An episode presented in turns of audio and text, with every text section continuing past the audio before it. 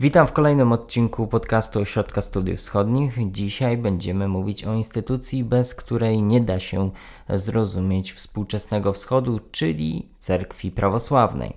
My tutaj szczególną uwagę poświęcimy rosyjskiej cerkwi prawosławnej, temu jak ona wpływa na społeczeństwo, na politykę. Powiemy także o sojuszu tronu z ołtarzem, który ma miejsce w Rosji ale poświęcimy też sporo uwagi cerkwi ogólnie, jakie w niej zasady panują, jaka jest hierarchia, a o tym wszystkim będę rozmawiał z Katarzyną Hawryło, analityczką Ośrodka Studiów Wschodnich. E, witam, dzień dobry.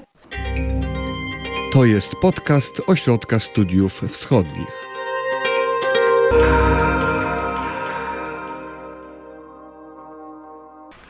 Przed rozpoczęciem nagrywania rozmawialiśmy o tym, od czego zacząć, i myśleliśmy o tym, żeby na początku zacząć od wyjaśnienia Państwu tych podziałów, czym jest autokefalia, czym jest patriarchat, ale stwierdziliśmy, że lepszym punktem wyjścia, punktem wejścia w tę dyskusję e, będzie opowiedzenie jednak o historii, bo ona jest ciągle żywa. Więc cofnijmy się aż do XI wieku, tak? Tak, tak proponuję. Zacznijmy naszą podróż, naszą rozmowę od tego, skąd w ogóle się wziął podział e, w chrześcijaństwie e, na Kościół katolicki i na Kościół prawosławny. O, o podziale, o wyodrębnieniu tych dwóch kościołów możemy mówić właśnie od czasu schizmy, czyli rozłamu e, w chrześcijaństwie.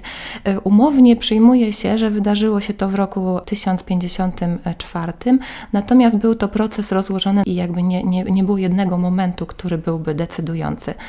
Chodziło o to, że e, początkowo e, w chrześcijaństwie, e, w chrześcijaństwie starożytnym funkcjonowało pięć stolic apostolskich, pięć takich ważnych ośrodków religijnych.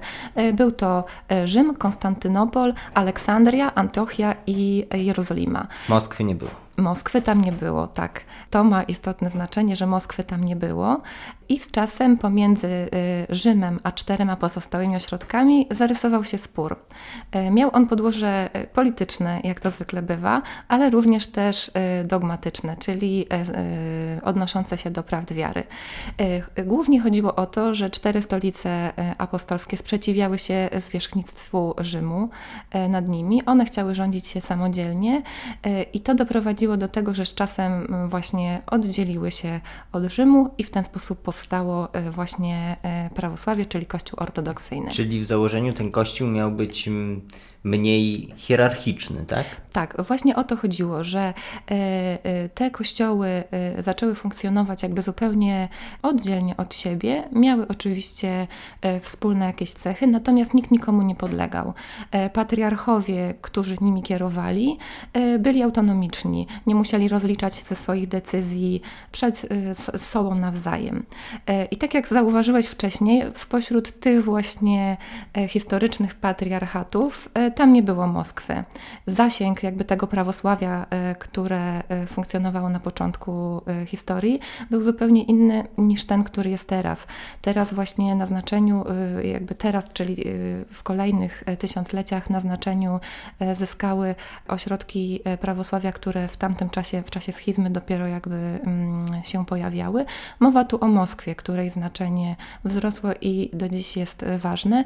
Na tyle ważne, że Moskwa jakby sama pretenduje do tego, aby mm, stać się sta nowym Rzymem, tak? Stać się nowych, nowym Rzymem, aby sprawować przewodnictwo nad całym jakby światowym prawosławiem. Powiem jeszcze może kilka słów e, o tym właśnie prawosławiu wschodnim, o mhm. prawosławiu na ziemiach wschodnich, bo jakby w obecnej sytuacji jest tak, że e, Kościół e, prawosławny Patriarchatu Moskiewskiego, który jest kościołem autokefalicznym, jest najbardziej istotnym, najbardziej licznym kościołem na tym obszarze. Początki chrześcijaństwa w ogóle na obszarach ziem wschodnich wschodnich to jest historia Rusi Kijowskiej i chrzest y, Rusi, który miał miejsce y, w 988 roku w Hersonezie na Krymie. Właśnie, na Krymie to jest też... Tak, właśnie y, rosyjskie władze cerkiewne i władze politycznie również podnoszą to, że kolebką prawosławia na wschodzie jest Krym i Rosja traktuje to jako część swojej historii i mamy do czynienia tutaj z pewnego rodzaju konfliktem z Kijowem, bo właśnie począt, początkiem takiego instytucjonalnego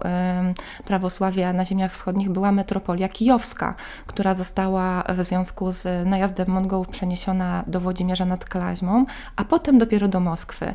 I to się wydarzyło w 1448 roku. Moskwa wówczas e, ogłosiła niezależność od Konstantynopola. I Czyli ta niezależ... 400 lat tak naprawdę. Tak. Po, na... Wręcz prawie połowa historii, no 40%. Historii. Tak i ta niezależność przez Konstantynopol Konstantynopol nie została uznana. Dopiero ponad 100 lat później Konstantynopol przyznał e, Moskwie autokefalię i wtedy jakby Moskwa stała się już jakby prawo, e, e, prawowitym, jakby uznawanym przez wspólnotę prawosławną na świecie kościołem. I tutaj właśnie ten wątek historii, ten wątek początków prawosławia, tego kto jest bardziej prawowitym spadkobiercą prawosławia na ziemiach wschodnich, jest wciąż obecny w narracji Moskwy, nie tylko na poziomie narracji związanej z religią, ale również na poziomie narracji politycznej, bo do tego odnosi się również Kreml i jest to, jest to e, bardzo ważny instrument w narracji Kremla w stosunku do przede wszystkim Ukrainy i w ogóle całego obszaru poradzieckiego, ale też jakby w narracji takiej ogólnoświatowej dotyczącej prawosławia, bo jakby w, tej, w tym momencie Moskwa jest w konflikcie z Konstantynopolem.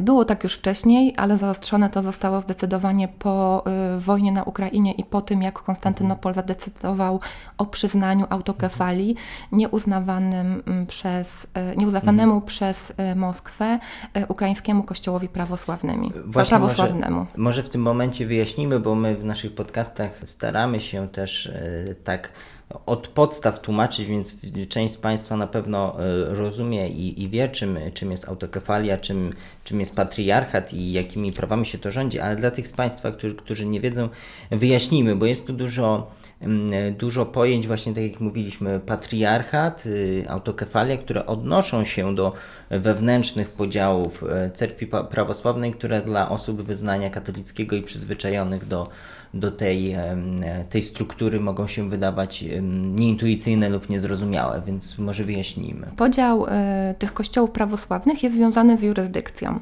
Mówiliśmy już o tym, że, kościoł, e, że w prawosławiu e, nie ma czegoś takiego jak zwierzchnictwo jednego kościoła nad drugim. To są kościoły równoprawne, które wspólnie jakby tworzą komunię, czyli taką wspólnotę kościołów.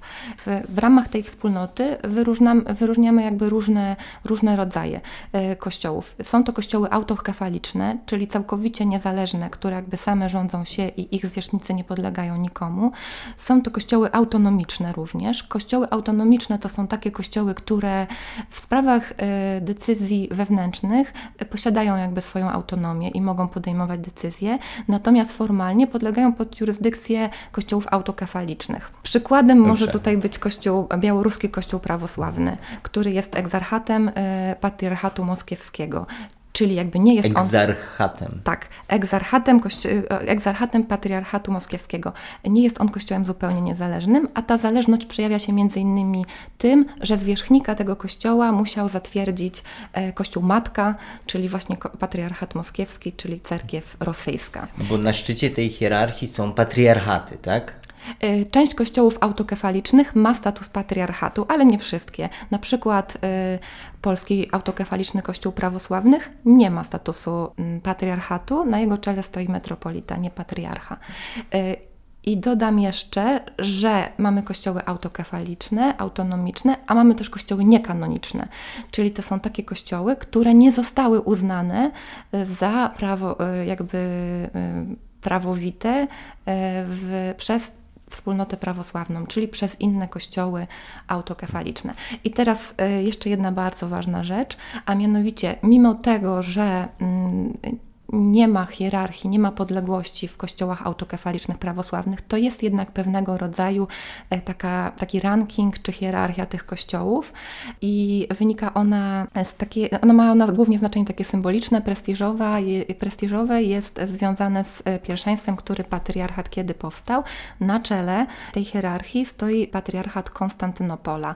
E, kościoły autokefaliczne są od siebie niezależne, czyli zwierzchnik jednego kościoła nie podlega drugiego drugiemu. Mamy natomiast pewną symboliczną, taką prestiżową hierarchię związaną z pierwszeństwem powstania tych kościołów i według tej hierarchii najważniejszym patriarchatem jest patriarchat Konstantynopola, który ma status primus inter pares, czyli pierwszy wśród równych, pierwszy mhm. wśród równych sobie. Nie Moskwa jakby. Nie, nie Moskwa. I to, że mm, właśnie to patriarchat Konstantynopola i e, patriarcha Konstantynopola jest jakby tym najważniejszym spośród równych, to jest bardzo nie na rękę e, Moskwie i Moskwa próbuje to kontestować, bo sama chciałaby taką funkcję i taką rolę sprawować. Między innymi właśnie wykorzystują tutaj Rosjanie i przedstawiciele rosyjskiego prawosławia takie argumenty jak wielkość i zasięg e, swojego oddziaływania. Podnoszą, że są największą wspólnotą prawosławną e, na świecie. Tutaj trudno e, ostatecznie rozstrzygnąć, jaka jest liczba prawosławnych. Mówi się o 150 milionach. Może to być mniej, ponieważ tutaj procesy na Ukrainie są też dynamiczne, więc jakby jednoznacznie trudno to stwierdzić. Patriarchat moskiewski oczywiście pod, przytacza tutaj liczby znacznie wyższe, bo jakby chce tą swoją rangę podnieść. I, i kolejna sprawa jest taka, że właśnie tutaj na gruncie tych konfliktów w Ukrainie, gdzie jakby y, aspekt religijny również był dość istotny. Spór pomiędzy e, Moskwą a Konstantynopolem się zaostrzył do tego stopnia, że, e, że jakby Moskwa e, przecięła relacje z Konstantynopolem, mhm. uznała jego decyzję o przyznaniu ukraińskiemu kościołowi prawosławnemu autokefalii za w ogóle niekanoniczną i niezgodną w ogóle z tradycją i ona wręcz stwierdziła, że mhm. Bartłomiej jest schizmatykiem. Bartłomiej, czyli patriarcha Konstantynopola. Konstantynopola. Bardzo ważnym aspektem, jak tu mówimy o tych, y, tych sporach y, z Konstantynopolem, hierarchii, ale też roli, którą Moskwa chce pełnić, to jest koncepcja trzeciego Rzymu. E, tak, cerkiew odnosi się do tej koncepcji, która e, jest koncepcją historiozoficzną. Ona powstała e, w XV wieku i mówi o tym, że to Moskwa jest prawowitym spadkobiercą tradycji prawosławnej, wschodniego chrześcijaństwa i ona ma prawo właśnie przewodniczyć temu chrześcijaństwu wschodniemu. W myśl zasady, że Rzym był pierwszą stolicą i upadł z powodu herezji, drugą stolicą był Konstantynopol, który e, upadł dlatego, że odrzekł się od prawowitej wiary. Natomiast y, Moskwa wytrwała, przejęła jakby to, tą spuściznę i ona nie upadnie. Do tej e, teorii odnoszą się właśnie tacy intelektualiści gdzieś tam skupieni wokół cerkwi, czasem ona gdzieś tam nawet w politycznej jakiejś narracji pobrzmiewa. I jakby e, wydaje się dość taka odległa historycznie i w ogóle mało prawdopodobna, natomiast jakby e, te aspiracje są bardzo realne i one mają swoje przejawy w takim praktycznym działaniu zarówno hierarchów cerkiewnych na obszarze poradzieckim i na świecie, jak również y, gdzieś tam w działaniach politycznych władz na Kremlu. Mhm. Wrócimy do tej historii, bo ona jest bardzo ważna. Zapytam e, o chociażby prześladowania w ZSRR i od tego będziemy sobie iść do współczesności, ale jeszcze chwilkę o, o takich cechach cerkwi. Jak mówiłaś, cerkiew powstawała w kontrze do, do Rzymu, do silnej hierarchizacji. Jak to wygląda dzisiaj w cerkwi? Czy, czy rzeczywiście ta cerkiew jest mniej schierarchizowana niż y, Kościół katolicki?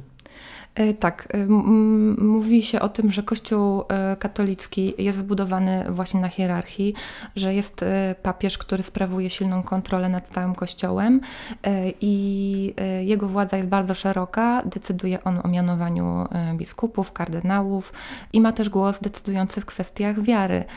Jest tutaj ten dogmat o nieomylności papieża z XIX wieku, który jakby rozstrzyga sprawę papieża, o wpływie papieża na różne decyzje wewnątrz kościelne.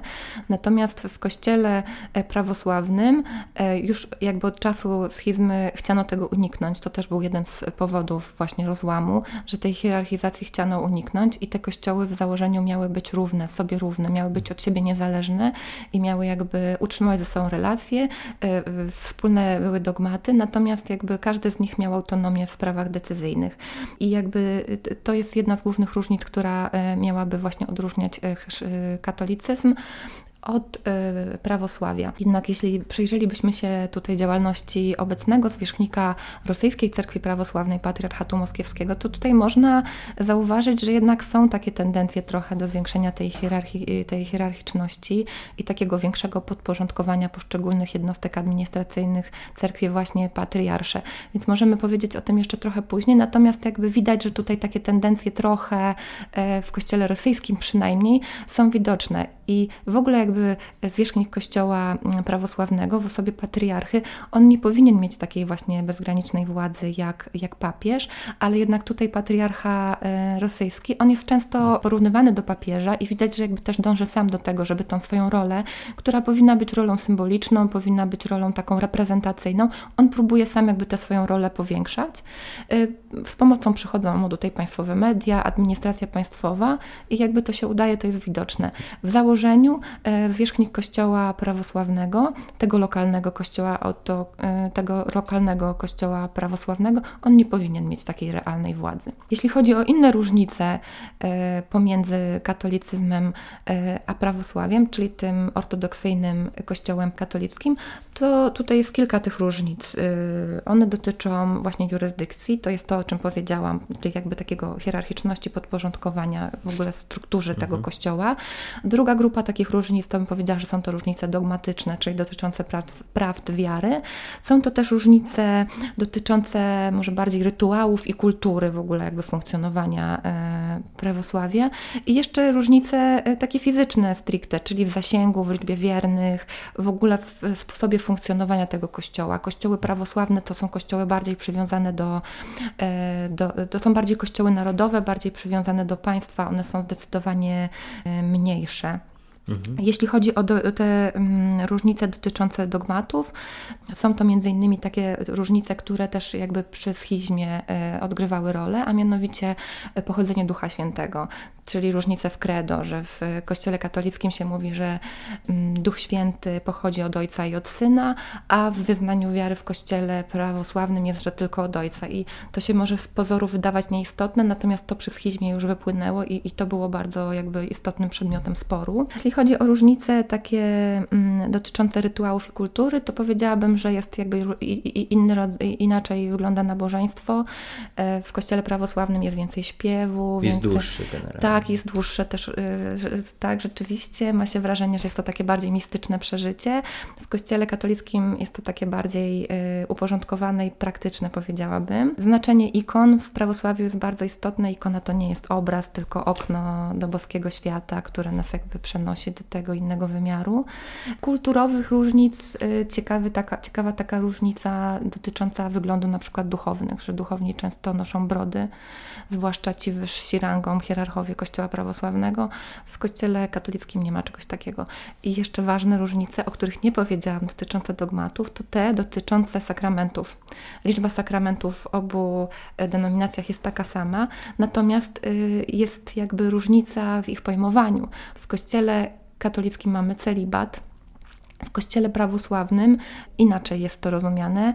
E, duchowny może mieć żonę, może zawrzeć związek małżeński, zanim przyjmie święcenia po święceniach jakby już nie może wstąpić na drogę małżeństwa, I... ale jeśli ma żonę wcześniej, no to jakby ona y, może mu towarzyszyć. Jak rozumiem, brak y, żony, brak y, i w tym samym przestrzeganie tego celibatu sprawia, że taki duchowny może zostać biskupem, inny nie może. Tak, do wyższych, wyższe rangą stanowiska w hierarchii kościoła mogą zajmować ci duchowni, którzy mają święcenia mniejsze. Ci, tak, co mają Ci, celibat. którzy mają celibat. Tak.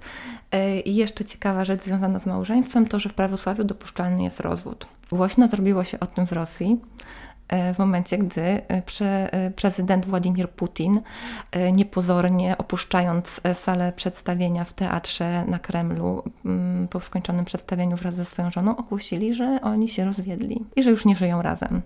E, to ta deklaracja padła jak grom z jasnego nieba, nikt jej nie oczekiwał. Od tamtego czasu e, Ludmiła Putina zniknęła w ogóle z horyzontu politycznego świata w Moskwie, w Rosji. Przejdźmy może teraz do historii, mm, zwłaszcza jeśli chodzi o Rosję, bo potem e, wejdziemy w bardzo ciekawy moim zdaniem aspekt, czyli tego jak dzisiaj cerkiew oddziaływuje na społeczeństwo i, i politykę też przez to rosyjską, ale no, nie unikniemy przez to wejścia chociaż minimalnie w historię. Oczywiście to nie jest podcast historyczny i żeby tak jakoś mocno zgłębić e, ten temat, no to musielibyśmy tak naprawdę tylko o tym rozmawiać, o chociażby historii cerkwi prawosławnej w ZSRR, która jest y, bardzo wielowątkowa i, i też skomplikowana, ale, ale powiedzmy chwilę jednak o tym, e, w tak w telegraficznym skrócie, o tych latach prześladowań e, cerkwi prawosławnej w ZSRR i o tym, jakie to efekty przyniosło. Po rewolucji październikowej, czyli po roku 1917, właściwie od razu e, bolszewicy przystąpili do, do jakby ataku na cerkiew prawosławną. Wynikało to z tego, że przede wszystkim w czasach carskich cerkiew była jakby ważnym sojusznikiem e, cara, była podporą e, tronu.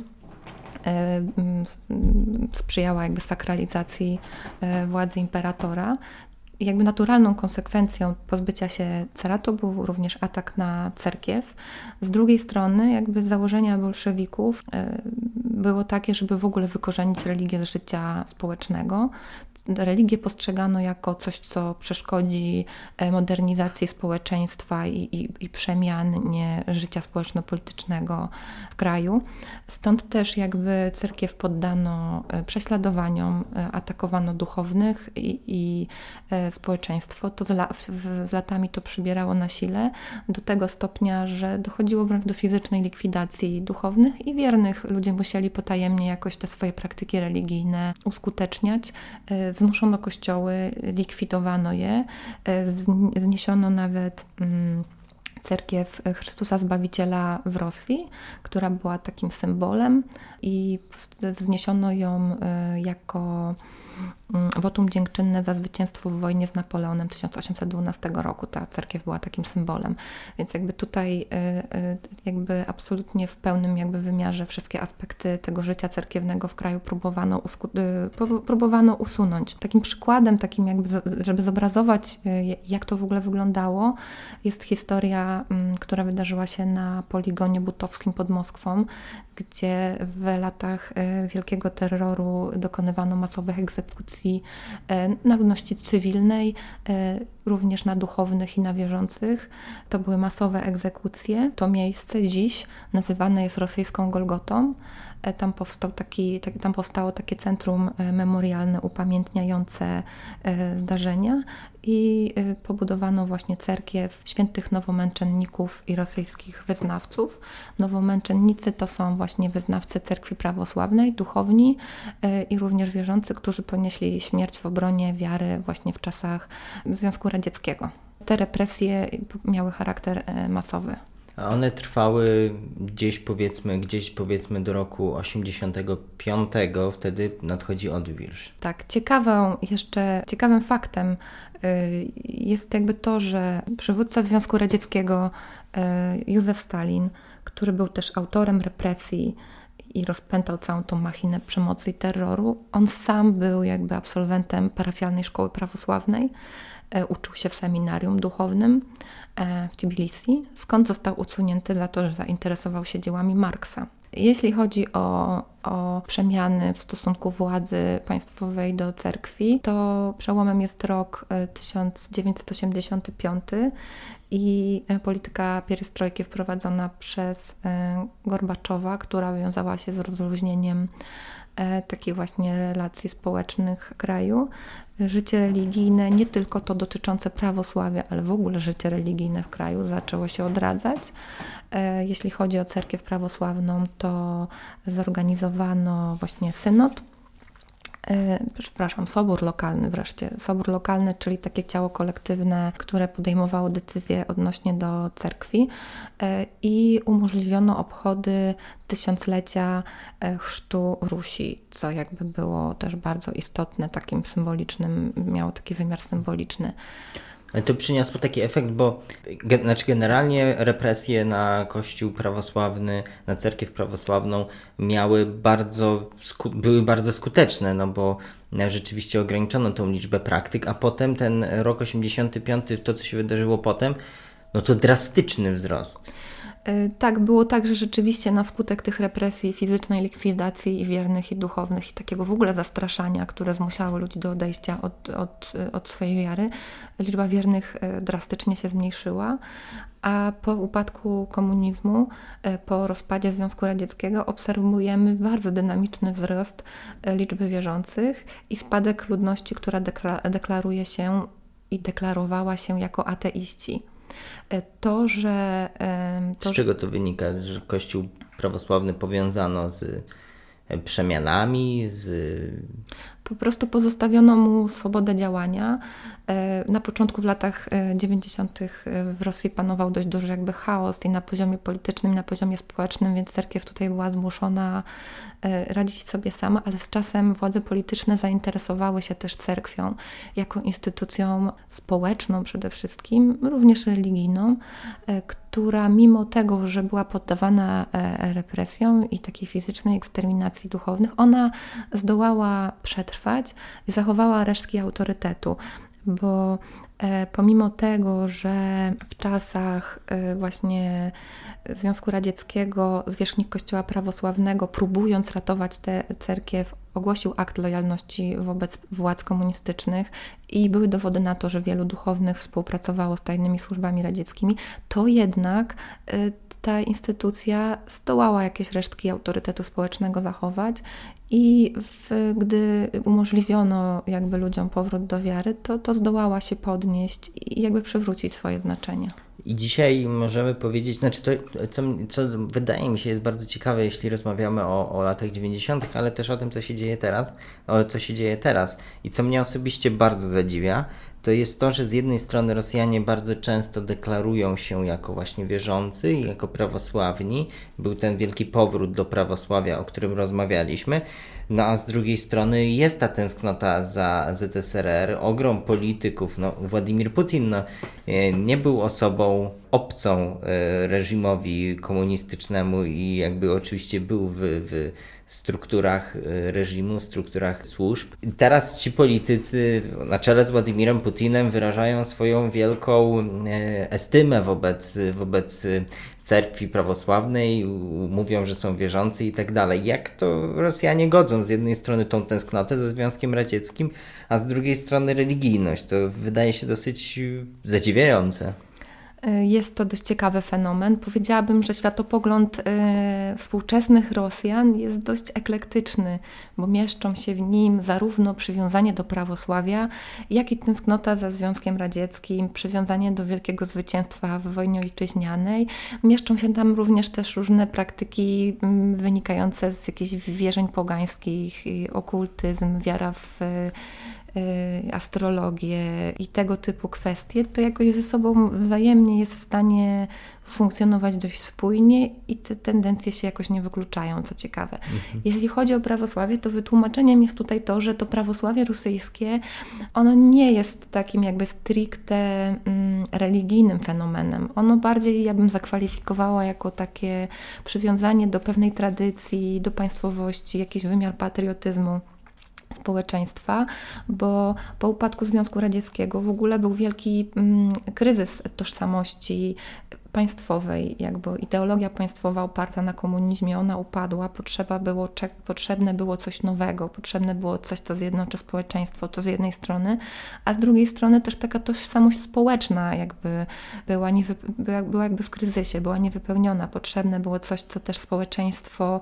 e, zjednoczy, więc e, tutaj właśnie e, w prawosławie znalazło się w dobrym miejscu i o dobrym czasie, i też władze państwowe z czasem przyszły z pomocą, bo gdy właśnie do władzy doszedł Władimir Putin i skupieni wokół niego, skupione wokół niego osoby wywodzące się ze służb specjalnych, które jakby z religią pewnie niewiele miały wspólnego, oni doszli do wniosku, że w celach politycznych ta religia może być przydatna, że ona pomoże umocnić władzę państwową, pomoże stworzyć jedną wspólną ideologię państwową i jeden wspólny jakiś taki projekt tożsamościowy, który by zjednoczył to społeczeństwo rosyjskie, które jest bardzo heterogeniczne, bardzo różnorodne pod wieloma, wieloma względami. E, jeszcze jeśli chodzi o to, że ci, którzy kiedyś e, byli oprawcami cerkwi, którzy prześladowali cerkiew, e, dzisiaj w pierwszych szeregach w kościołach modlą się i występują razem z patriarchą wspólnie na uroczystościach,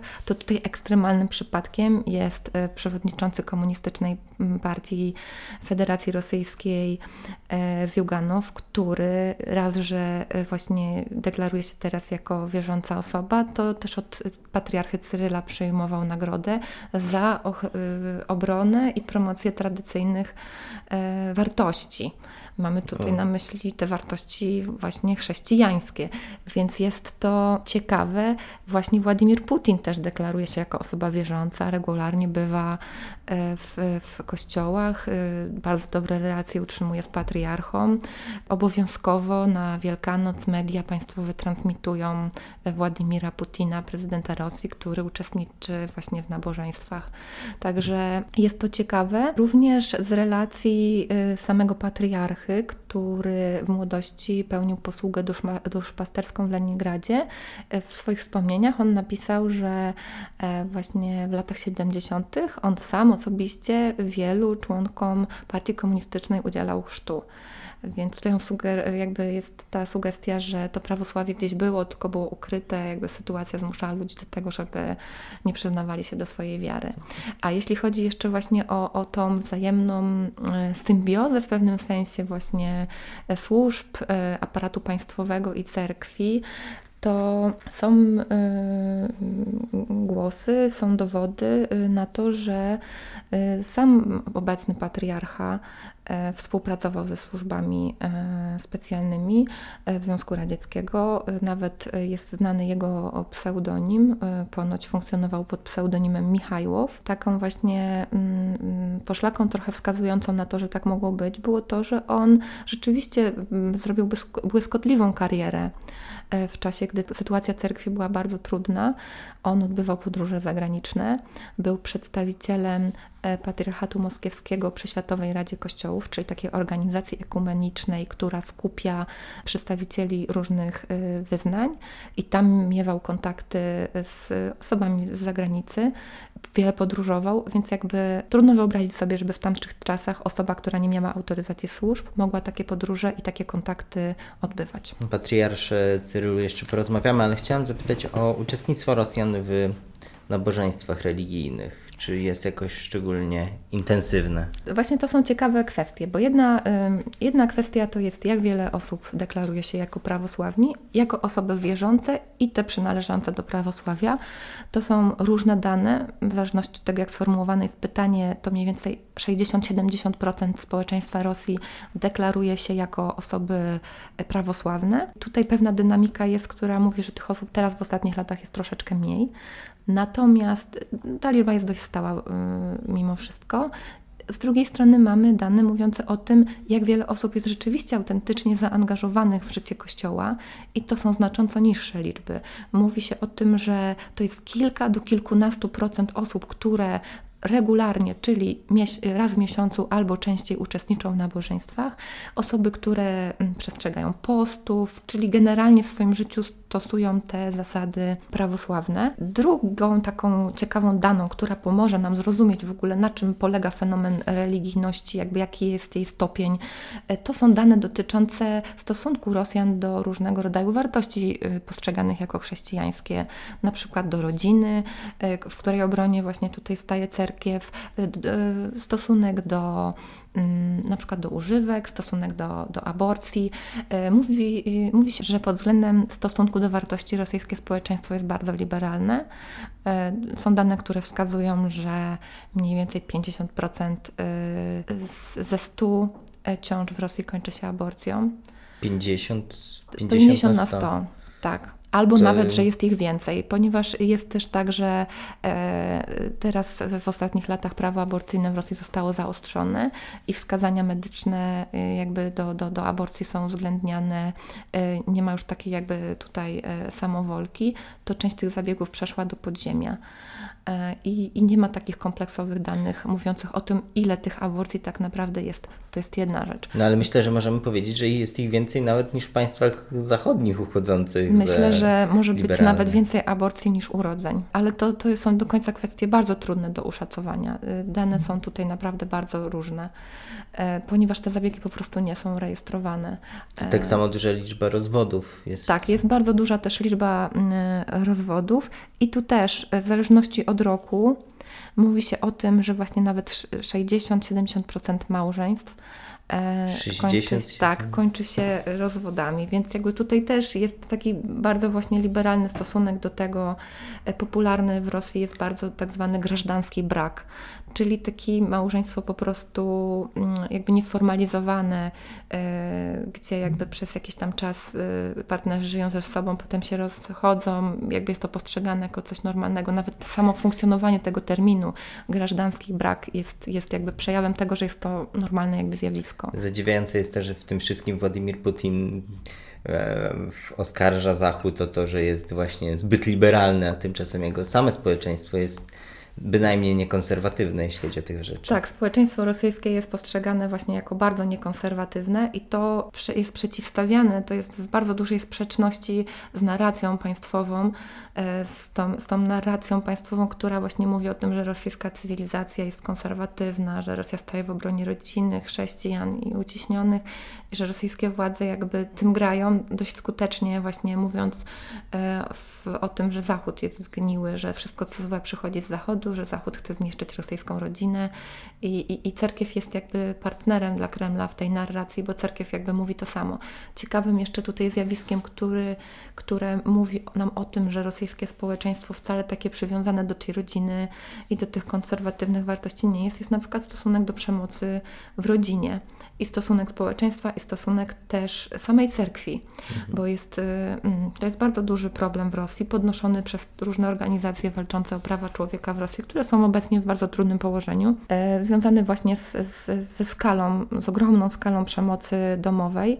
E, W 2017 roku na skutek właśnie inicjatywy ustawodawczej takich konserwatywnych właśnie polityków Kremla, między innymi Jeliany Mizulinej, zdepenalizowano częściowo przemoc e, domową. Zdepenalizowano Tak, czyli sprawiono, że jakby nie jest to ona przestępstwem kryminalnym. Żeby była przestępstwem kryminalnym, to musi być wielokrotnie jakby powtarzana i ofiara Czyli musi raz, doznać. jak raz to... Jak raz zbije, to kocha, a jak zabije, to Ty- wtedy będzie sądzony. Wygląda to tak, że jakby ta przemoc musi być wielokrotna i ofiara musi doznać uszczerbku na zdrowiu.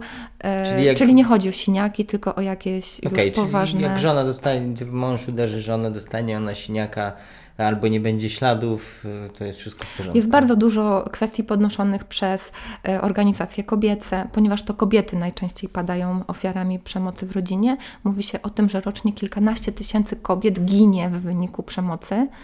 E, Nie wiem, jak dokładnie by te dane wyglądały, jeśli byśmy tutaj uwzględnili dzieci i nie tylko śmierci, ale i również właśnie te uszczerbki na zdrowiu. Jest wiele y, właśnie relacji, y, wiele historii podnoszonych właśnie przez te organizacje, przez pojedynczych aktywistów, mówiące o tym, że kobiety na przykład dzwonią, proszą o pomoc, policja nie chce interweniować, sąsiedzi dzwonią o pomoc, słuchając krzyków za ściany e, i policja albo nie przyjeżdża, e, albo przyjeżdża w momencie, gdy już jest za późno. Więc, Dlaczego e, tak się dzieje? bo nie mają obowiązku, bo nie chcą tego robić, albo często też jest tak, że, że się boją. Boją się właśnie Reakcji jakiejś władz, reakcji władz, y, albo zemsty właśnie tego napastnika. Y, wielok- To są jakieś takie może przykłady w skali mikro, ale one wydaje mi się dobrze dopełniają obrazu całości. Y, Na przykład sąsiedzi zeznają, że bali się dzwonić, bo na przykład mąż jest w FSB albo mąż jest policjantem. Policja takie sprawy po prostu ucina. Mm, To jest bardzo duży problem, mm, o którym społeczeństwo obywatelskie e, w Rosji y, dyskutuje i są próby, żeby jakby to ustawodawstwo mm, dotyczące przemocy w rodzinie zmienić, żeby jakby je, je zaostrzyć, żeby rzeczywiście y, napastnicy, y, żeby Mhm. napastnikom groziła jakaś kara, żeby te Ale kary co były egzekwowane i są przygotowywane jakby te projekty ustaw i właśnie jeden z takich projektów został zaopiniowany przez cerkiewną komisję, przez komisję do spraw rodziny, która działa przy patriarchacie moskiewskim, jako właśnie niezgodny z tradycją i wymierzony właśnie w e, rosyjską rodzinę. E, a Uzasadnienie było takie, to też podnosili różni właśnie hierarchowie cerkiewni, e, łącznie zdaje się z patriarchą, że to jest, że ingerencja w rodzinę nie, jest niedopuszczalna, że to jest właśnie ta ideologia Zachodu, która próbuje rosyjską autentyczną rodzinę zniszczyć, rodzinę e, złożoną z kobiety i z mężczyzny i to jest ingerowanie w prawo e, rodziców do własnego stylu, sposobu wychowywania dzieci. Czyli cerkiew blokuje i sprzeciwia się projektowi, który spenalizowałby ponownie przemoc w rodzinie. Tak. I to Komisja jeszcze spraw rodziny. Tak, to, to, to komisja, oficjalnie to jest stanowisko i hierarchowie, koś, yy, hierarchowie kościelni, yy, oni temu jakby mm, przeciwstawiają się, oni to hamują. Dlatego też w opinii e, środowisk liberalnych, środowisk właśnie tych skupionych wokół działaczy e, na rzecz praw człowieka, w ogóle też opozycji e, kremlowskiej, bo to się pokrywa e, częściowo. E, Cerkiew jest, występuje w Rosji jako siła demodernizacyjna. A co cerkiew robi z, czy jak cerkiew, czy w ogóle reaguje na te dane, o których rozmawialiśmy w kontekście aborcji czy rozwodów? Jest jakaś reakcja, czy, E, czy to jest tak, tak, jest, że jest, temat, ce, a- temat aborcji to cerkiew wie, że, że no to jest powszechna rzecz wśród Rosjan, więc jakby nie ruszają tego, czy wprost przeciwnie? Nie, ruszają. Jest to jeden z takich, powiedziałabym, głównych y, obszarów aktywności też cerkwi, dotyczący właśnie życia religijnego i życia społecznego, gdy jakby cerkiew ma absolutne prawo i jako organizacja religijna i też jako organizacja y, w państwie, jakby organizacja społeczna y, działać. I tutaj właśnie oni występują jakby w roli takiego promotora właśnie rodzicielstwa, pomagają w jakimś tam stopniu też y, kobietom, które znalazły się w trudnej sytuacji życiowej.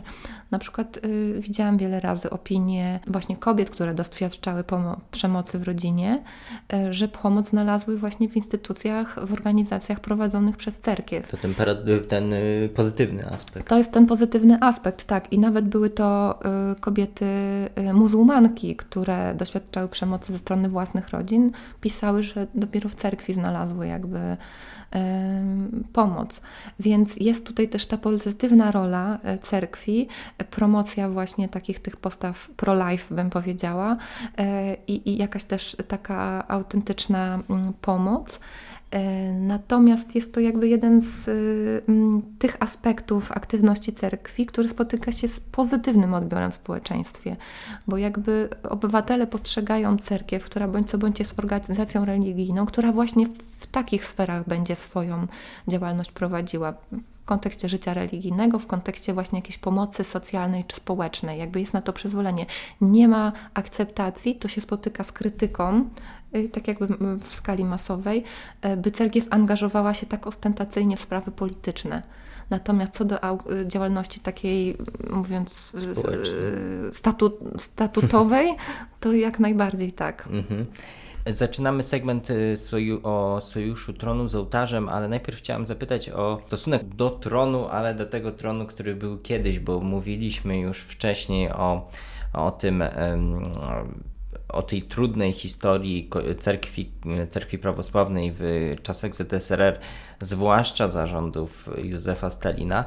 To jak teraz y, historycznie się odnosi, jak teraz cerkiew odnosi się do tej historii, do samego Stalina? E, Jeśli chodzi o stosunek do Stalina, z jednej strony jakby jest ta pamięć o represjach i o tym, że cerkiew doświadczyła krzywdy, ale ta pamięć jest taka, powiedziałabym, niepogłębiona. Ona jest taka bezosobowa, to znaczy jakby przyznaje się, że miały miejsce niedobre rzeczy, że cerkiew ucierpiała, ale cerkiew nie dąży do zgłębienia tej pamięci, do znalezienia winnych na przykład.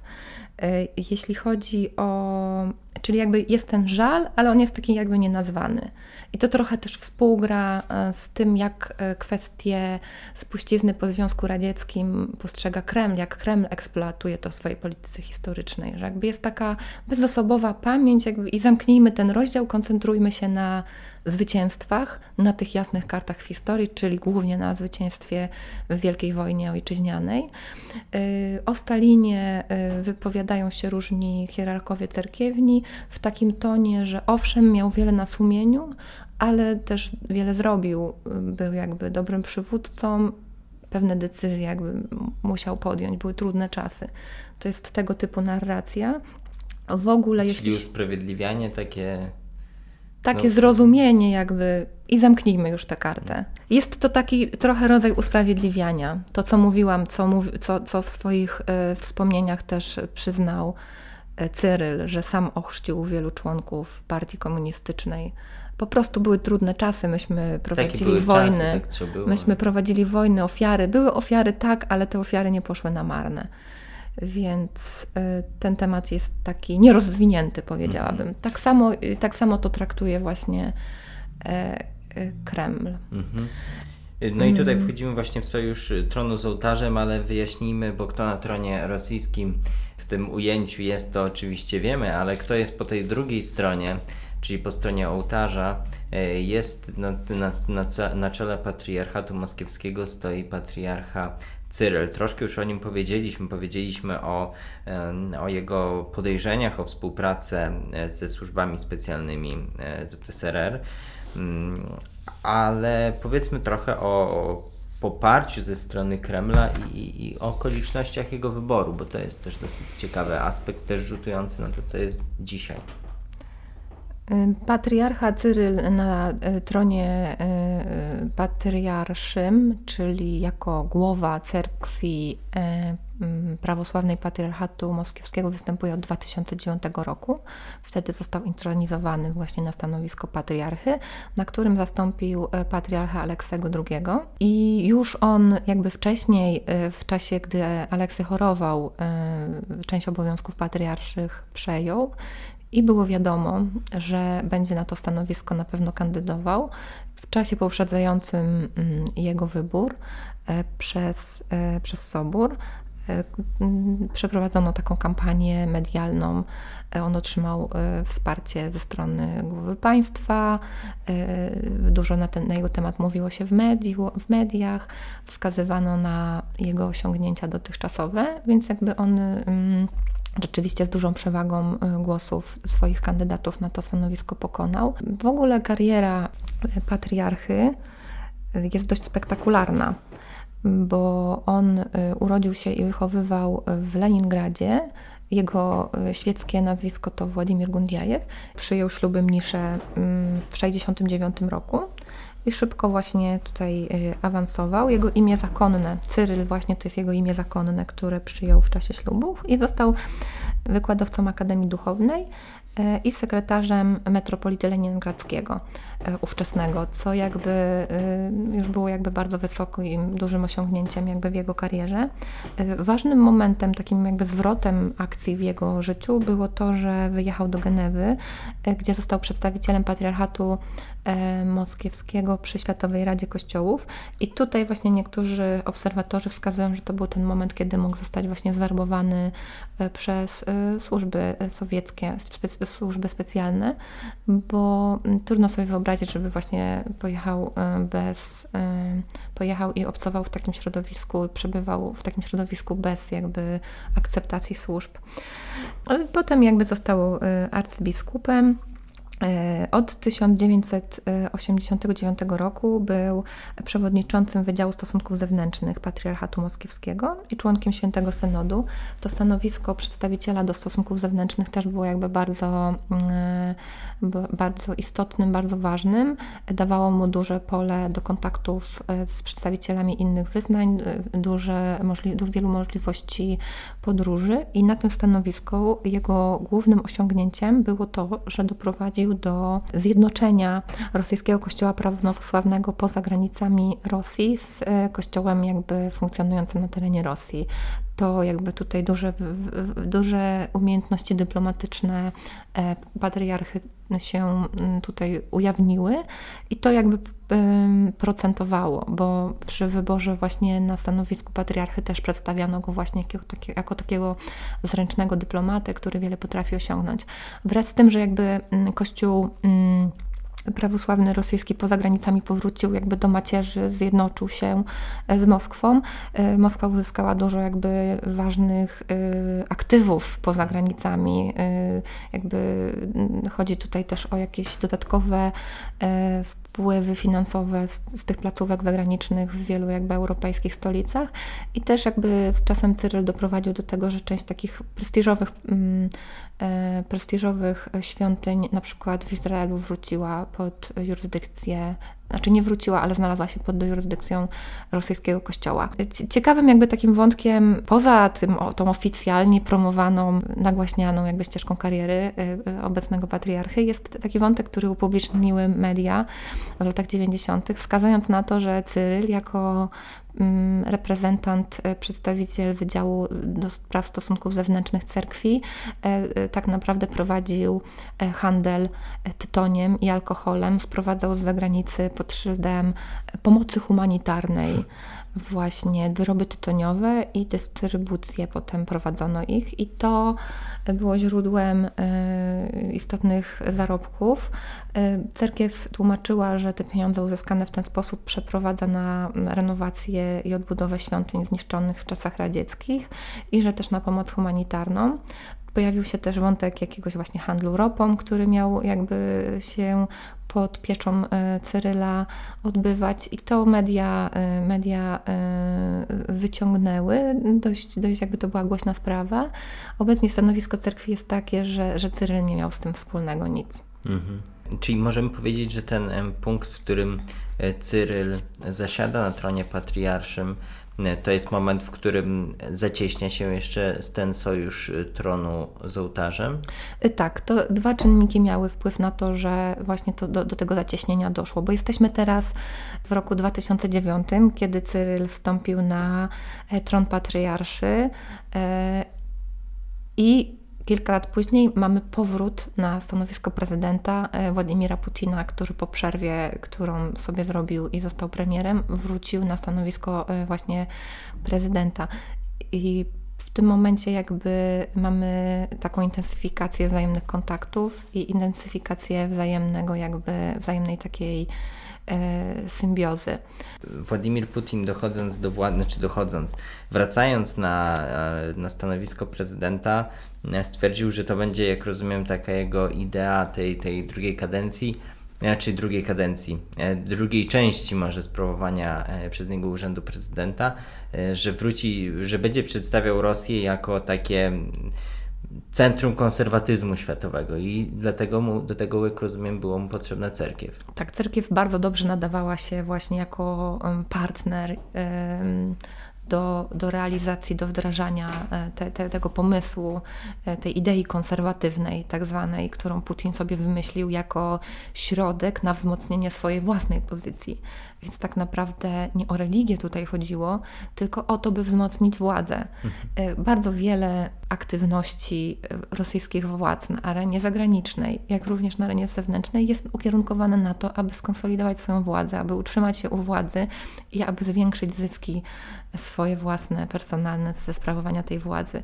E, nie mam złudzeń, że również w przypadku E, współpracy z cerkwią cel jest ten sam, mhm. że chodzi o to, aby wzmocnić swoje wpływy na arenie międzynarodowej i skonsolidować swoją władzę i swoje poparcie społeczne wewnątrz kraju. No ale zastanawiam się, na ile cerkiew realnie oddziaływuje społecznie, bo te dane chociażby dotyczące aborcji mogą wskazywać, że, że niekoniecznie i ten współczynnik, powiedzmy, ile osób się deklaruje, ile realnie uczestniczy w nabożeństwach religijnych, może sugerować, że to jest średnio skuteczne narzędzie.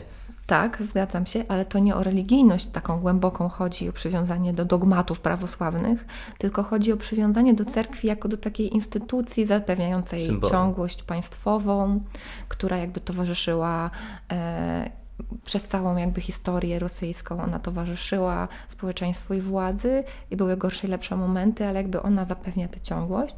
Chodzi o to, że jakby jest ona jakimś takim wyznacznikiem, filarem tożsamości państwowej, tej tożsamości, którą Władimir Putin właśnie próbuje na swoje własne Mhm. potrzeby też umacniać, że jakby my jesteśmy prawosławni, my będziemy występować w obronie wartości chrześcijańskiej, chrześcijańskich, mamy jakby do tego pełne prawo, mamy taki obowiązek. I to jest wykorzystywane zarówno wewnątrz, jakby właśnie też mm, w tym sensie, żeby tę taką me- mentalność podtrzymywać, taką mentalność właśnie, że dobro jednostki nie jest istotne, chodzi o kolektywność, liczy się dobro ogółu. To jest jeden moim zdaniem bardzo istotny aspekt, że prawosławie takie postawy zdaje się promuje i promuje jej również Kreml, bo są one dla niego korzystne.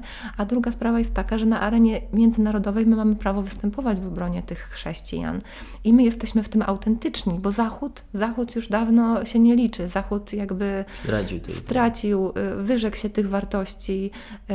Tutaj są przytaczane różne właśnie historie dotyczące y, właśnie jakiejś takiej poprawności politycznej, która związała Zachodowi ręce, y, promocji homoseksualizmu i tak dalej. To, to jakby i zarówno cerkiew i, za, i Kreml to podnoszą.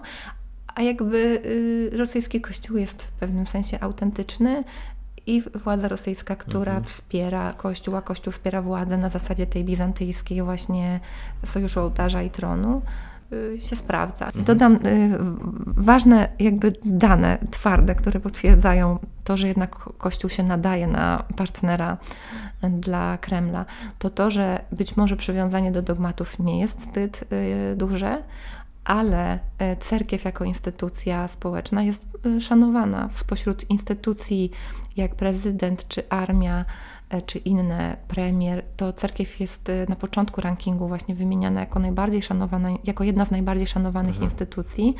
To jedna rzecz. Po części związane jest to z tym, że inne instytucje w Rosji, jako w państwie niedemokratycznej, są dość słabe i mają kiepską renomę.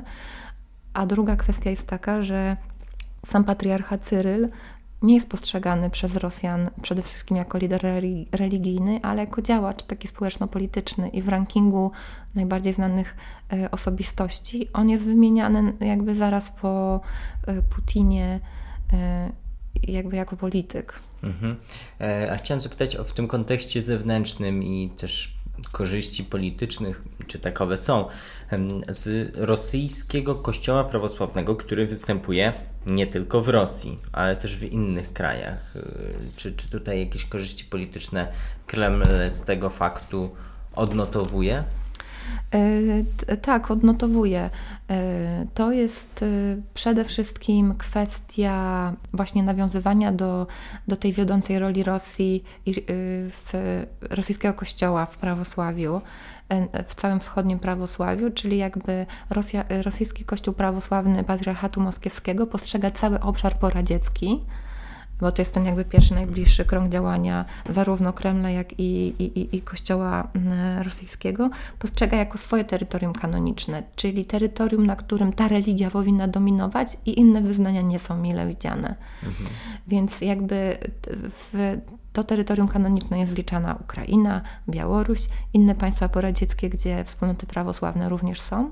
I to się trochę też zazębia z jakby promowaną przez rosyjskie władze ideą rosyjskiego świata, bo rosyjski świat to nie tylko ludność rosyjskojęzyczna i Rosjanie, ale również też prawosławni, który jak, którzy jakby mogą liczyć na pomoc Rosji. Jeśli chodzi o działalność e, cerkwi prawosławnej poza granicami Rosji, to co jakby jest też korzystne dla rosyjskich władz, to cała działalność taka soft powerowa powiedzmy. Działalność kulturalna cerkwi w stolicach europejskich jakby są te rosyjskie cerkwie. Przy tych cerkwiach często funkcjonują jakieś takie ośrodki kultury, gdzie odbywają się koncerty, gdzie odbywają się jakieś y, y, wydarzenia kulturalne, które skupiają y, nie tylko diaspory, skupiają i integrują te diaspory, przez co jakby w ogóle jakby też Rosji łatwiej do nich dotrzeć i utrzymać jakby związek z nimi, to też integrują jakby elity tych krajów, tych jakby lokalnych elit. I, mm, I powiedziałabym, że w pewnym sensie cerkiew pomaga tworzyć y, Kremlowi taką konserwatywną międzynarodówkę, jakby osób wśród polityków, y, wśród właśnie jakichś takich elit mm, społeczno-politycznych, osób, które jakby te, do tych wartości też na poziomie deklaracji y, się, się, poczuwają. Tutaj też dużą rolę odgrywają takie nie bezpośrednio struktury cerkiewne, ale takie organizacje okołocerkiewne, które, e, które mają swoje kontakty w, nie tylko w państwach, gdzie jest obecna wspólnota prawosławna, ale w ogóle też w różnych zachodnich krajach. I, też e, oligarchowie, czyli jakby tacy powiedzmy biznesmeni z wielkimi majątkami, którzy jakby deklarują się jako prawosławni i te wartości próbują promować.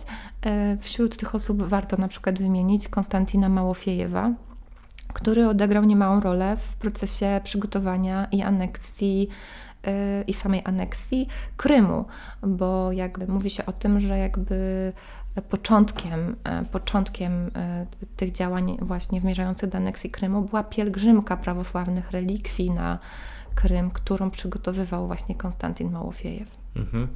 E, a czy Kreml wykorzystuje i dyskontuje ten sojusz tronu z ołtarzem przy okazji protestów różnych, które się odbywają przeciwko władzy, czy cerkiew jak się zachowuje w takich momentach? Mm, było kilka y, przypadków właśnie, które pokazały, że w takich sytuacjach cerkiew pozostaje lojalna. Y, pierwszy taki przypadek to właśnie ten moment y, to był taki, powiedzmy, moment sprawdzam mm, na przełomie 2011-2012 roku, gdzie po ogłoszeniu decyzji, że Władimir Putin zamierza kandydować znów na urząd prezydenta i ten urząd objąć, doszło do, do masowych protestów społecznych w Moskwie i innych dużych miastach w Rosji. Wówczas y, patriarcha na początku wypowiedział się, że władza powinna usłyszeć głos narodu Natomiast potem zweryfikował, dokonał korekcji swojej wypowiedzi i stwierdził, że prawosławni nie protestują i raczej nawołał do tego, aby właśnie swoją energię skierować gdzie indziej. Więc to był wyraźny sygnał. Ale czyli to nie był, on tak powiedział, w populistycznie, w sensie sprawdził po prostu sondaże, czy, czy nie, jednak się przychylił pod wpływem jakichś nacisków? Nie, moim zdaniem po prostu yy, nie wiem, czy były to bezpośrednie naciski, czy to był po prostu rachunek zysków i strat, yy, co bardziej się opłaca yy, cerkwi, czy, czy jakby stanąć po stronie części społeczeństwa, czy, czy trzymać z władzą, tak jak to robiła dotychczas. No na pewno jakby było to działanie zgodne z tym, czego oczekiwał Kreml i, i, i Kreml przywitał to jakby na pewno, że tak właśnie powinno być. Kolejna sprawa to niedawne wydarzenia. W Rosji miały miejsce protesty właśnie związane z powrotem Aleksija Nawalnego po próbie otrucia e, do, do, do Rosji. E, wówczas e, patriarcha Cyryl wygłosił kazanie, które dotyczyło tego, że młode pokolenie znajduje się w kryzysie. I to zostało odczytane jednoznacznie jako właśnie podtrzymanie narracji Kremla, bo Kreml wskazywał wcześniej, że te protesty, te wyrazy niezadowolenia napływają ze strony młodych ludzi, którzy jakby tutaj sami nie wiedzą, czego chcą, tutaj siedzą w TikToku, e, nie mają co robić i jakby to oni protestują. Natomiast ludzie tacy, ludzie pracy i, i, i starsze pokolenia to w zasadzie nie mają nic przeciwko władzy, więc jakby tutaj Cyryl podtrzymał tę narrację. I w ogóle, jeśli chodzi o aktywność społeczną, to, to, to są sygnały takie, że jakby Cerkiew nie jest jej orędownikiem. Mm, społeczeństwo obywatelskie e, nie ma w niej wsparcia. Raczej jest tak, że jest duża polaryzacja społeczeństwa i cerkiew tutaj hmm. jakby jest, e, ma takie konserwatywne poglądy, promuje to jakby właśnie takie podporządkowanie i, i, i, i skupienie się na dobru kolektywnym. E, w ogóle, jakby jeśli chodzi o, o, protesty uliczne, to też do tego przyporządkować można różne opinie ze strony cerkiewnych hierarchów, mówiące o tym, że rewolucje w Rosji to jeszcze do niczego dobrego nie doprowadziły, że należy ich unikać. I taką opinię e, prezentował na przykład bardzo wpływowy e, publicysta, autor bestsellerów, osoba blisko związana z Putinem. Mówi się, że spowiednik Putina, metropolita Tichon Szewkunow. E, który właśnie e, też tutaj mówił o tych rewolucjach, które mają zgubne wpływy, więc władze na Kremlu też jakby mają taki mhm. pogląd, że boją się rewolucji jak e, diabeł wody święconej i protesty uliczne absolutnie jakby nie są przez nich Znaczy no, nie da się odmówić trochę racji w tym, że, że rewolucje na pewno cerkwi nic dobrego nie przyniosły, tak. zwłaszcza Tak, jakby w, być może z ust y, rzeczywiście cerkiewnych hierarchów y, w odniesieniu do rewolucji e, październikowej, czyli tej drugiej rewolucji 1917 roku, to jest jakby uprawnione. Natomiast jeśli to przekładać na kontekst współczesny i to, że społeczeństwo w Rosji próbuje przeciwstawiać się autorytarnej władzy, to jest To już nie ma racji. to jest to tak, trochę Zwłaszcza, że zbyt, duże rodzaju- uogól, zbyt duże uogólnienie. Zwłaszcza, że można by powiedzieć, że pewnego rodzaju rewolucja także dokonała się e, 85 rok ta odwilż, ale potem także rozpad Związku Radzieckiego był swego rodzaju rewolucją i on już przyniósł dobre skutki dla cerkwi prawosławnej akurat. Ale chciałam zapytać jeszcze o te, e, ten właśnie jesteśmy cały czas przy sojuszu tronu z ołtarzem. Powiedzieliśmy, co dla tronu on przynosi dobrego, a co dla ołtarzu. Dlaczego cerkiew jest w tym sojuszu z Władimirem Putinem? Co, y, co wynosi z tego sojuszu? Nie ma dla cerkwi lepszego sojusz- sojusznika, y, zdaje się, w tej obecnej współczesnej Rosji, jeśli biorąc pod uwagę te kalkulacje właśnie zysków i strat i patrząc na los innych organizacji społecznych i organizacji religijnych, które ze strony władz jakby są wręcz prześladowane. Wystarczy tu spojrzeć y, nawet na społeczność świadków Jehowy. E, Tutaj szereg różnych e, ustaw zostało wprowadzonych, które regulują te kwestie aktywności społecznej i związków wyznaniowych. I jeśli e, władza czegoś nie akceptuje, to nie ma to racji bytu, e, albo działanie takich struktur jest bardzo trudne.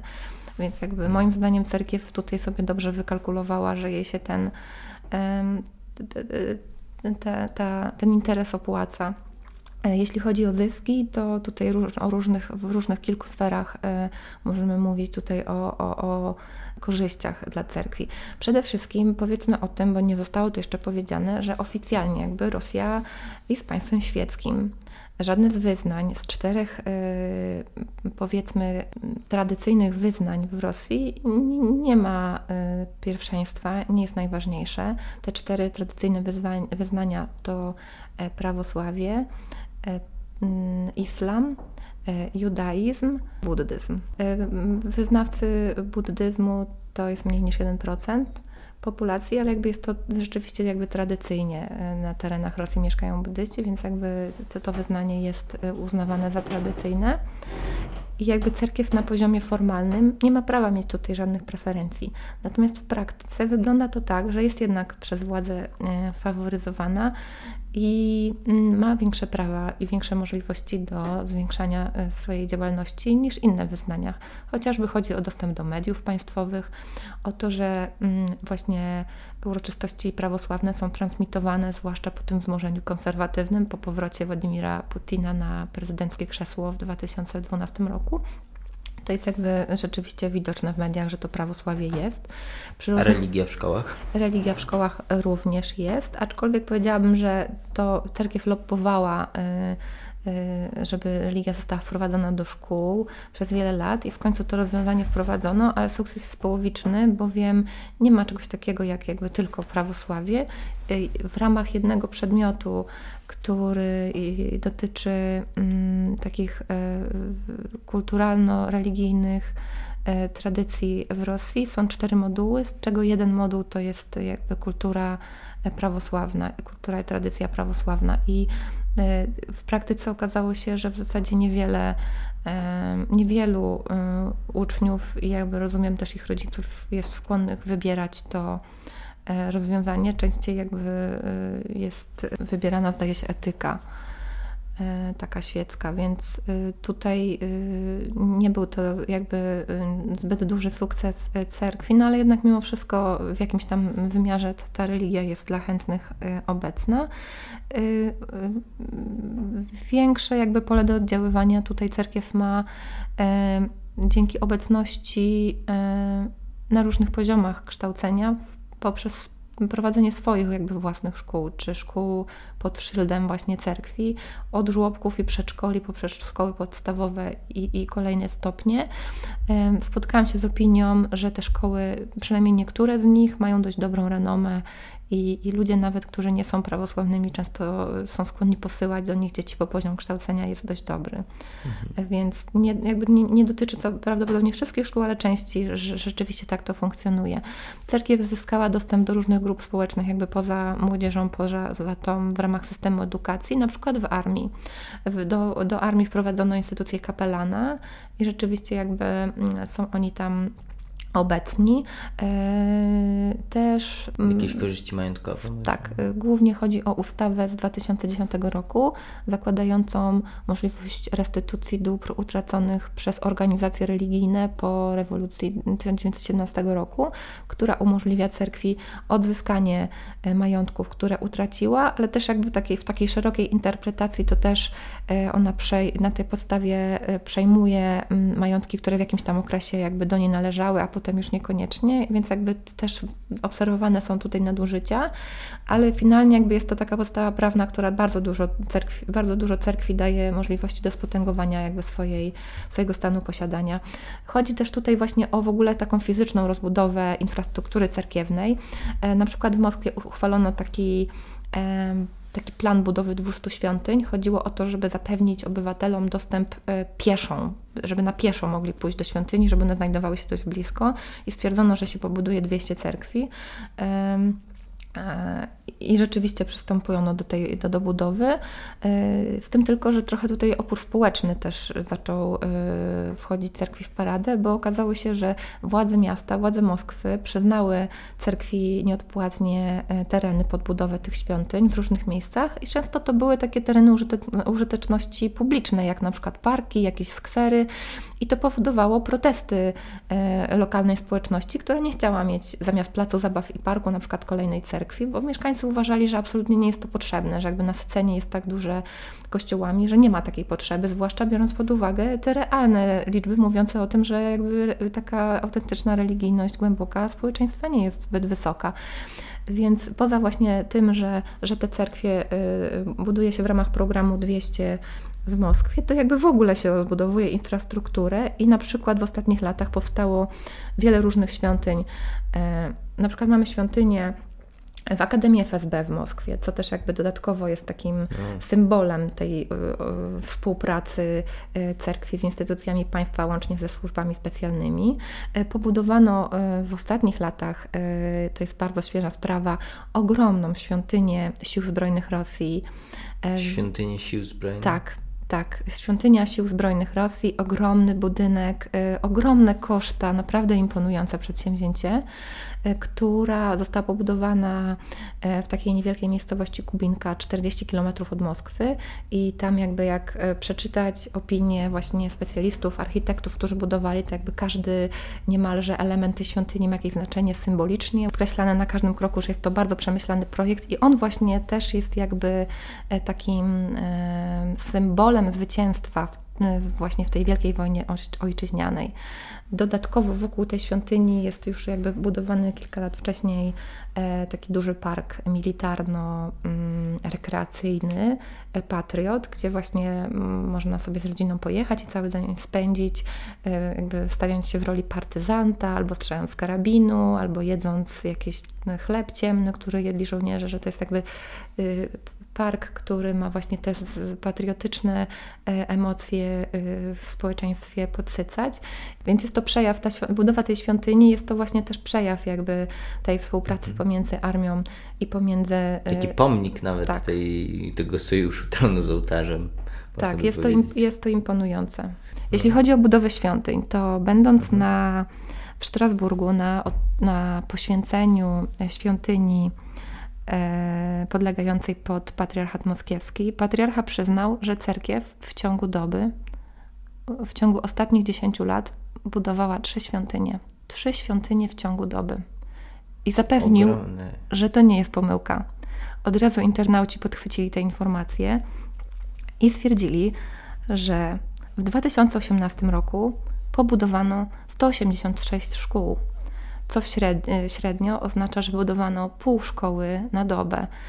A mm, wyliczono również, że od 2000 e, do 2000 od roku 2000 do 2015 zamknięto 5300 szpitali, co oznacza, że zamykano średnio jeden szpital na dobę. Takie informacje, jak to, że cerkiew buduje trzy świątynie na dobę, nie są dobrze przyjmowane przez społeczeństwo bo mm, to są ogromne jakby inwestycje, które pochłaniają pieniądze nie tylko jakby y, prywatnych obywateli, którzy te dodatki dla cerkwi przekazują, bo rzeczywiście jest coś takiego, to też jakby mm, część tych pieniędzy jest z budżetu państwa w postaci przekazywania na przykład gruntów. Część tych pieniędzy oferują duże korporacje państwowe, na przykład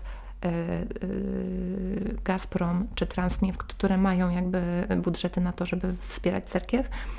I w sytuacji, gdy jakby jest przeprowadzana optymalizacja wydatków y, przez państwo na y, sferę socjalną i zamyka się szkoły i szpitale, no to jakby kontrast y, jest bardzo duży i, i, i jakby społeczeństwo mm, przez to też jakby y, swoją opinię na temat cerkwi, wydaje mi się, mm, że ta opinia zmienia się na gorsze. Jeśli chodzi o opinię obecną y, cerkwi na temat społeczeństwa, y, społeczeństwa na temat cerkwi, to też tutaj sama cerkiew powoduje pewnego rodzaju konflikty, bo mówiłam o tym, że jakby aktywność charytatywna czy religijna jest bardzo pożądana, to jakby ta, to zaangażowanie w politykę i obecność jakby patriarchy, który, nie wiem, wspiera na każdym kroku Putina jest dość rażąca jak dla obywateli. Sondaże wskazują, że jakby e, znacząca część społeczeństwa się temu sprzeciwia.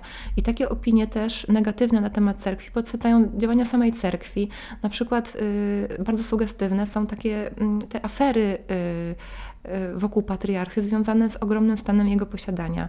W ostatnich latach było kilka takich afer. Y, y, dwie z nich to już jakby przeszły do kanonu, stały się hmm. memami.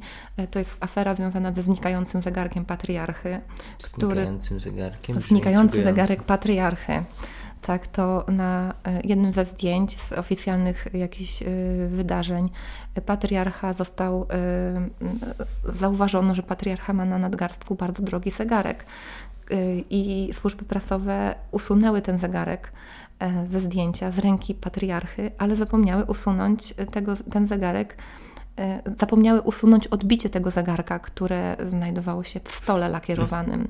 I e, właśnie media obiegło zdjęcie patriarchy ze znikającym zegarkiem. Po zegarku został tylko po zegarku zostało tylko odbicie, dość wyraźnie wskazujące, jaki to zegarek i ile kosztował. Udało się to mhm. rozszyfrować. Druga sprawa to afera wokół tego, że patriarcha złożył skargę na mm, sąsiada, który remontował swoje mieszkanie i wskutek remontu pył wydobywający się z mieszkania zniszczył jakieś bardzo drogie meble w mieszkaniu moskiewskim, gdzie rezyduje patriarcha i patriarcha zażądał odszkodowania i odszkodowanie zostało przyznane. Były to jakieś bardzo duże sumy.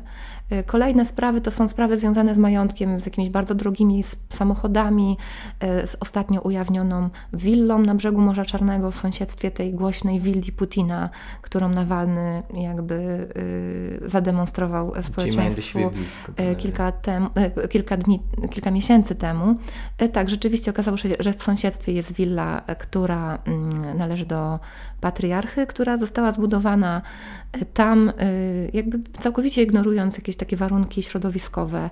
Y, pozamykano z tego tytułu szlaki turystyczne, wycięto jakieś lasy składające się z jakiejś takiej sosny zagrożonej wyginięciem z sosny kalabryjskiej, która tam właśnie na brzegu Morza Czarnego jest obecna. Okazało się, że właśnie jakby ten teren został zamknięty dla osób postronnych i że tam znajduje się jakaś bardzo, bardzo droga rezydencja patriarchy, jedna z wielu. Więc te doniesienia przedostają się do mediów i one wpływają na percepcję rzeczywiście społeczeństwa, bo kontrastują bardzo silnie z tą nauką, którą cerkiew y, stara się i jakby y, i promuje y, właśnie takim, tych wartościach, z tymi wartościami chrześcijańskimi. A pedofilia pedofilia występuje?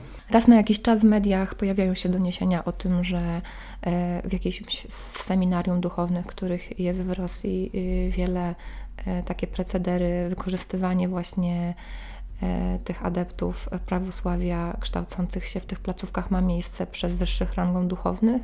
Sprawy takie są zamiatane pod dywan. O tym się nie mówi.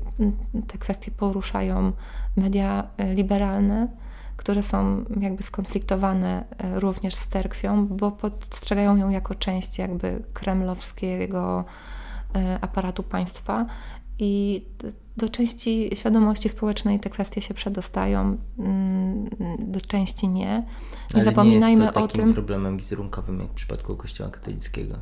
Y, Na danym etapie wydaje mi się, że nie. Nie zapominajmy o tym, że większość opinii, większość jakby poglądów w społeczeństwie rosyjskim kształtuje telewizja państwowa. Nigdzie od tego nie uciekniemy. Zdecydowanie jakby tu jest jej najsilniejsza rola i w mediach państwowych kontrolowanych przez władzę takie wątki się nie pojawiają. Mhm. To już kończąc i podsumowując, chciałem zapytać, czy ten pomysł Władimira Putina na to, żeby Rosja, żeby jego władza opierała się na takiej idei konserwatywnej, czy to jest cały czas aktualne, zarówno w kontekście zewnętrznym i wewnętrznym, no i, i czy, czy tak będzie dalej, czy ten sojusz będzie sobie trwał i czy dalej będzie podstawą, jedną z podstaw, jednym z filarów siły Władimira Putina. Patrząc na to, jak obie strony, jakie korzyści obie strony czerpią z tej współpracy, można zakładać, że to będzie kontynuowane, bo władze państwowe nie odcięły się od tej ideologii, wręcz przeciwnie, jakby nadal y, się jej trzymają, nadal ją eksploatują i moim zdaniem nigdzie od niej nie uciekną, bo jakby trudno znaleźć tutaj inną, jakąś pozytywną narrację, która zjednoczyłaby to społeczeństwo. Sytuacja gospodarcza jest bardzo trudna, sytuacja międzynarodowa jest trudna, do tego mamy pandemię. Władimir Putin jakby od 20 lat jest na stanowisku prezydenta, cóż nowego mógłby on wymyśleć, co by mogło jakby to społeczeństwo w jakimś stopniu zaangażować. Chodzi również o to, że tak jak powiedziałam, wszystko, co robi rosyjska władza, ma na celu utrzymanie się, u, utrzymanie się u władzy, jakby zwiększenie swojego wpływu, utrzymanie poparcia społecznego. To na razie okazuje, jakby to na razie jest skuteczne. Również jakby tutaj w tej konfrontacji z Zachodem mamy teraz jakby kolejną fazę zaostrzenia relacji pomiędzy Kremlem i Zachodem. To jest wygodna narracja, ta narracja konserwatywna, bo ona pozwala pokazywać Zachód jako ten zgniły, ten zły i y, y, próbuje Rosjanom wmówić, że mają przewagę moralną. Y, I jakby i to, jest, i to jest skuteczne, to się sprawdza. To na przykład obserwowaliśmy też przy okazji aneksji Krymu, że, że jakby Rosjanom wmawiano, że oni mają tą przewagę moralną, że mają prawo to robić, mają prawo, bo oni bronią innych, więc jakby ta narracja jest korzystna. Podkreślę tylko jeszcze na koniec, że to, że władza rosyjska, Władimir Putin i jego współpracownicy odwołują, odwołują się do e, współpracy z cerkwią i zacieśniają relacje z cerkwią, moim zdaniem ma charakter instrumentalny. To jest po prostu narzędzie polityczne, narzędzie utrzymania wpływu. E, Cała ta polityka tożsamości oparta na, na prawosławiu, na takim właśnie y, kulturalnym wymiarze e, prawosławia, ona jest wyliczona na to, żeby utrzymać władzę. Mhm. Dziękuję. Dziękuję bardzo. E, Na tym postawimy dzisiaj kropkę. Mm, Zachęcam Państwa do obserwowania naszego podcastu, do zaj- zajrzenia też na nasz kanał na YouTubie. Tam więcej informacji, więcej filmów. My się słyszymy w kolejnych odcinkach, które już wkrótce będziemy rozmawiać m.in. o Turcji chociażby, czy o wyborach w Niemczech w ramach naszego cyklicznego podcastu Niemiecki Monitor Wyborczy. E, Do Rosji także będziemy wracać w następnych odcinkach, także mówimy Państwu do usłyszenia.